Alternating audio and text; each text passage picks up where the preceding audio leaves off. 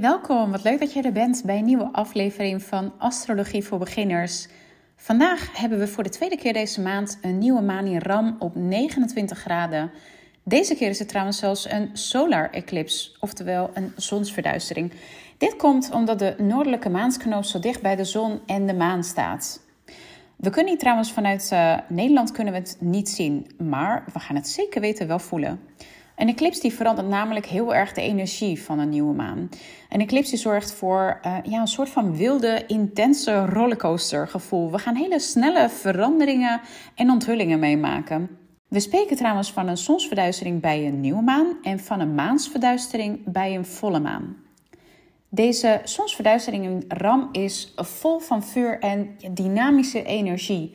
Ram als de strijder die leert ons ja, hoe we onze angsten kunnen overwinnen, vol met moed en zelfvertrouwen.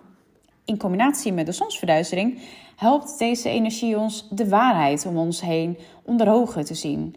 Hoe graag we er eigenlijk ook weg voor willen rennen. Deze zonsverduistering is een tijd om de grenzen van je mind te confronteren en te beseffen wat je eigenlijk weerhoudt om van je meest gepassioneerd leven te kunnen leven.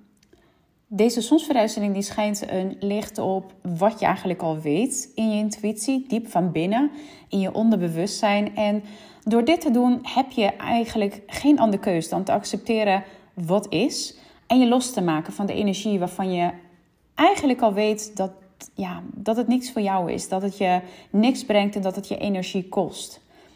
Deze zonsverduistering maakt een uitdagend aspect, een vierkant, met Pluto in Waterman. Pluto, we kennen wel als de planeet van transformatie, dood en wedergeboorte. En kan vrij intens en grondig te werk gaan. Terwijl de energie jou dus beïnvloedt tijdens deze zonsverduistering, voel hoe de volgende fase van je leven zich voor je ontwikkelt, zelfs als je er nog niet helemaal klaar voor bent. Vraag jezelf af wat je mag helen om naar je next level versie te kunnen stappen. Deze ja, nieuwe maan valt ook conjunct Jupiter in Ram. Dus Jupiter staat pal naast de maan en de zon.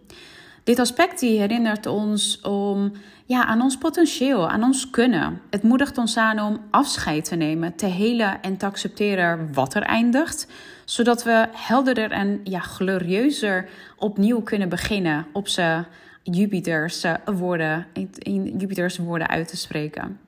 Deze zonsverduistering is een proces van wedergeboorte ook weer. Sommige delen van je energie die zullen vrijkomen, verschuiven en transformeren, zodat je ja, herboren kunt worden in een nieuwe energie aan de ja, on the other side. Deze nieuwe maancyclus zal met de volle maan in Ram eindigen over zes maanden. Dat is september 2023. En om de hoek hebben we deze week ook nog eens het stierseizoen dat start. En we hebben ook nog Mercurius, dat officieel een retrograde gaat. En hier zal ik ook zeker een, eh, een podcast opnemen. Nou, al met al een hoop gaande zo. En nu is het interessant om te kijken hoe beïnvloedt deze maan jou persoonlijk. Nou, hiervoor kun je kijken naar je astrologiechart. Als je deze nog niet hebt, haal deze vooral ook op uh, op astro.com. En hiervoor is het dus heel erg belangrijk om je exact geboortetijdstip in te vullen. Zeker als het om de huizen gaat. En kijk dan even RAM op 29 graden. In welk huis valt het? Dit is namelijk het gebied in je leven dat het meest beïnvloed wordt. Dat wordt namelijk geactiveerd. En onthoud, het gaat niet alleen om het huis waar deze nieuwe maan in valt.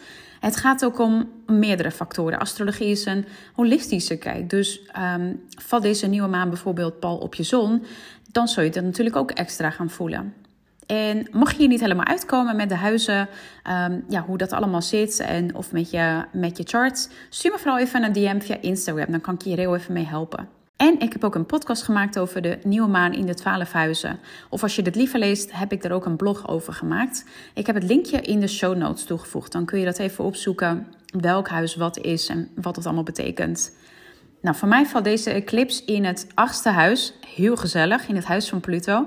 En dit is het huis van seksualiteit, van geld, van schaduwkanten. Nou, die heb ik volop gemerkt. En hier zijn nog een aantal journaling-vragen voor je voor deze nieuwe maan. Als eerste, waar mag je afscheid van nemen om iets nieuws te kunnen starten? Wie of wat staat er nog in de weg? Als tweede, in welk gebied in je leven mag je onafhankelijker worden? En als laatste, durf je te vertrouwen op je eigen kunnen? En zo niet, wat maakt dat dat dat niet zo is?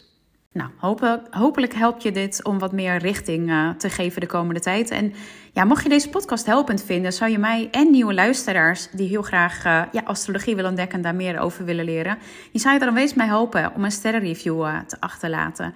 Of bijvoorbeeld als je het in stories op Instagram deelt, dan ja, kan het natuurlijk nog meer mensen bereiken. En als je het ook trouwens fijn vindt om deze informatie over de nieuwe en de volle maan te ontvangen, zodat je het bijvoorbeeld na kan lezen, dan kun je via het linkje in de show notes kun je, inschrijven voor de nieuwsbrief die ik twee keer per maand uitstuur. Alright, fijne nieuwe maan en zonsverduistering en tot de volgende aflevering.